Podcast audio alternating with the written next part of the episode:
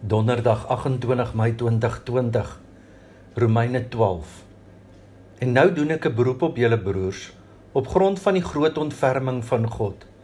Gee julleself aan God as lewende en heilige offers wat vir hom aanneemlik is. Dit is die wesenlike van die godsdiens wat julle moet beoefen.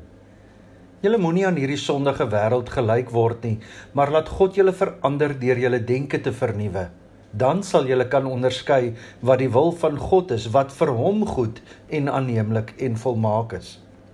Kragtens die genade wat aan my gegee is, sê ek vir elkeen van julle, moenie van jouself meer dink as wat jy behoort te dink nie. Nee, lê jou liewer daarop toe om beskeie te wees in ooreenstemming met die maat van geloof wat God aan elkeen toebedeel het. Ons het baie lede in een liggaam en die lede het nie almal dieselfde funksie nie. Net soos ons sal is ons baie in Christus een liggaam en almal afsonderlik lede van mekaar. Ons het genadegawes wat vir mekaar verskil volgens die genade wat God aan elkeen van ons gegee het. As dit die gawe van profesie is, laat ons dit gebruik in ooreenstemming met die geloof wat ons bely. As dit is om te dien, laat ons dien. As dit is om onderrig te gee, laat ons onderrig gee. As dit is om mense te bemoedig, laat ons hulle bemoedig. As ons gee, laat dit sonder bybedoelings wees. As ons leiding gee, dan met toewyding. As ons ander help, dan met blymoedigheid. Oorgegee. Ek is 'n lewende en heilige offer wat vir God aanneemlik is. Prys die Here. Nou my eerste tree. Julle moenie aan hierdie sondige wêreld gelyk word nie, maar laat God julle verander deur julle denke te vernuwe dan sal jy kan onderskei wat die wil van God is, wat vir hom goed en aanneemlik en volmaak is. Ons was aan die sondige wêreld gelyk. Niemand kon ons lewens onderskei van ongelowiges se lewens nie. Maar God het mos alles kom verander. Daar is nou vrede tussen ons en God en niemand kan ons veroordeel nie, want God self het ons vrygespreek. Maar ons kan so maklik terugval in ons ou gewoontes en ons ou denke. Ek kan so maklik weer my lewensstuurwiel wil oorvat. En daarom moet ek nou toelaat dat God my kan begin verander. Hy is die pottebakker en ek is die klei. En die eerste ding wat God begin verander is my denke. Laat God julle verander deur julle denke te vernuwe. My fokus verander. Dit gaan nie meer oor my nie, maar oor God se wil wat soms lynreg teenoor my wil kan staan.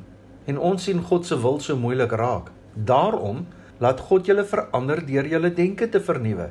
Dan sal julle kan onderskei wat die wil van God is, wat vir hom goed en aanneemlik en volmaak is. Wat vir God goed en aanneemlik en volmaak is, nie vir my nie. Ons lewe in 'n wêreld waar alles om die mens draai. Die mense regte, die mense wil, die mense gemak en so kan ons maar aangaan. Die mens vat dit so ver dat hulle later nie meer omgee hoe die wêreld lyk wat hulle agterlaat nie.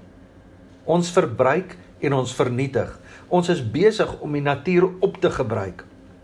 So doen ons natuurlik ook met ons verhoudings. Mense moet my vervul. Alles en almal is daar vir my gebruik. Selfs godsdiens het so geword. Al meer en meer spring groepe op wat die godsdiens verdraai in iets wat vir die mens gemaak is. Hulle sê God is daar vir my voorspoed.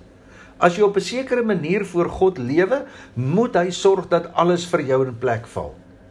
Deur jou geloof kan jy vir God voorskryf oor hoe en wat hy moet doen, so asof jy God word en hy in jou diens is. Dit laat my dink aan die hele gestoeiery tussen Job en God.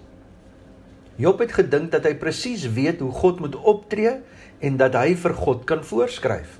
En dan besef hy uiteindelik wie hy as mens is en dat hy geen reg het om vir God voor te skryf nie. Job 42.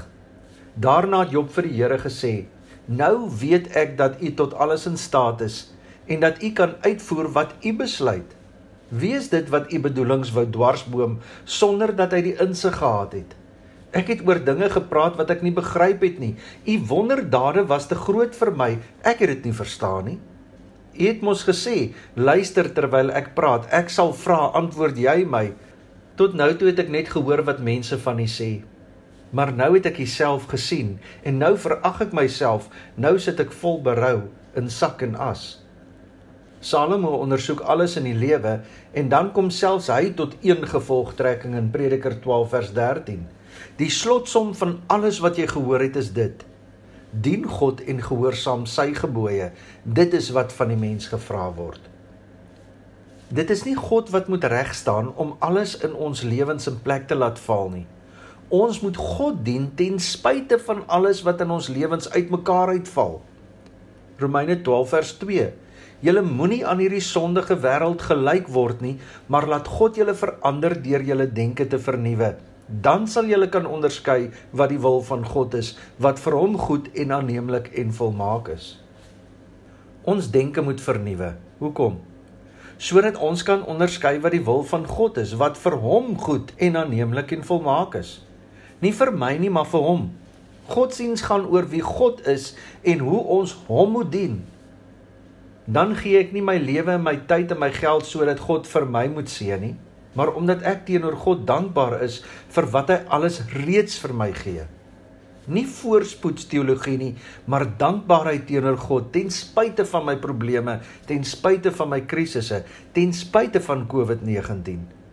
Gee jouself aan God as 'n lewende en heilige offer wat vir hom aanneemlik is. Dit is die wesenlike van die godsdiens wat jy moet beoefen. En nou Laat jou denke vernuwe. Die doel van die evangelie van Jesus Christus is om ons te verander.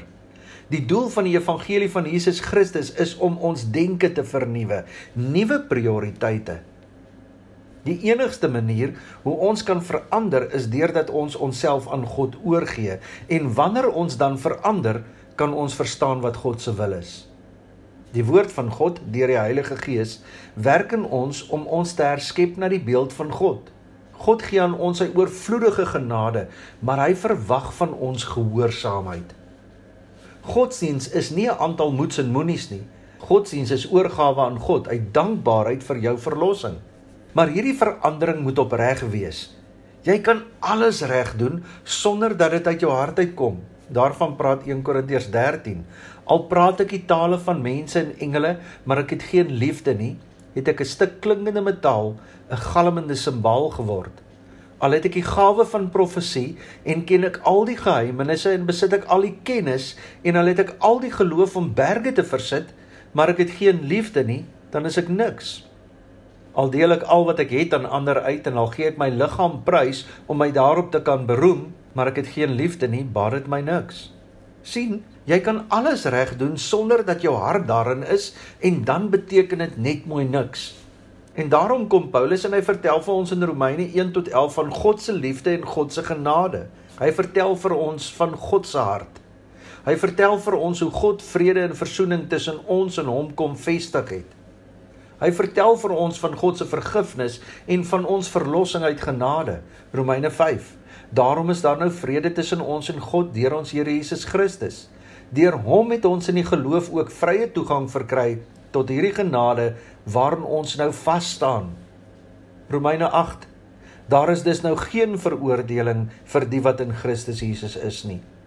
Nou kom Paulus hier in Romeine 12 en sê: "Mense, as dit is wat God vir ons gedoen het, dan kan ons mos nie anders as om daarop te reageer nie."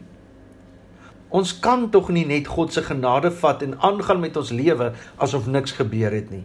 Laat God toe om jou te verander.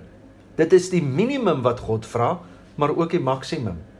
Geloof en gehoorsaamheid, hoor en doen, geloof en werke. Godsdiens kan nie net doen wees nie, dit moet hartgoed wees. Dit is gehoorsaamheid uit oorgawe en dankbaarheid. Dit is wat 1 Korintiërs 13 probeer sê doen en glo uit jou hart uit. Al praat ek die taal van mense en engele, maar ek het geen liefde nie, dit kom nie uit my hart uit nie, het ek 'n stuk klinkende metale galmende simbaal geword. Al het ek die gawe van profesie en ken ek al die geheimenisse en besit ek al die kennis en al het ek al die geloof om berge te versit, maar ek het geen liefde nie, dit kom nie uit my hart uit nie, dan is ek niks. Al deel ek al wat ek het aan ander uit en al gee ek my liggaam prys om my daarop te kan beroem, maar ek het geen liefde nie, dit kom nie uit my hart uit nie, baat dit my niks. Geloof is dat ons verander, dat ons steeds nuut en nuwer word, dat ons groei na die beeld van God. Want dit is tog die doel van die evangelie om ons te herskep na die beeld van God. Ja, jy's 'n Christen, maar is jy al gehoorsaam? Is jy regtig gehoorsaam? Laat jy toe dat God ook jou denke vernuwe of gaan dit nog steeds oor jou en jouself? Genade is dat jy gered is. Gehoorsaamheid is dat jy met oorgawe vir God lewe, sy prioriteite, sy wil. Here skenk aan ons die genade, lig waar ons net donker sien, moed waar ons vrees, hoop waar ons wanhoop, vrede waar ons gemoedere storm, vreugde waar ons hartseer is, krag waar ons swak is, wysheid waar ons verward is, sagtheid waar ons bitter is, liefde waar ons haat. Die Here sal julle seën en julle beskerm. Die Here sal tot julle redding verskyn en julle genadig wees. Die Here sal julle gebede verhoor en aan julle vrede gee.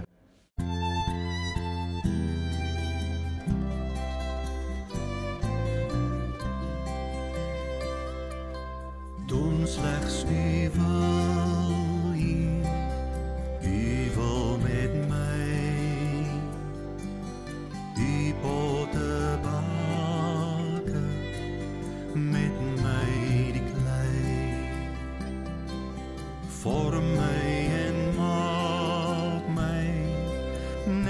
net soos u wil.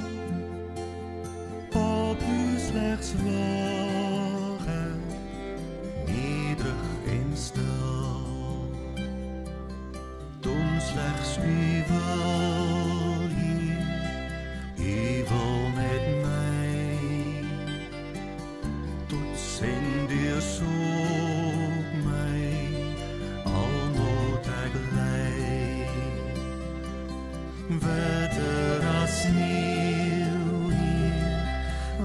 my vandaag.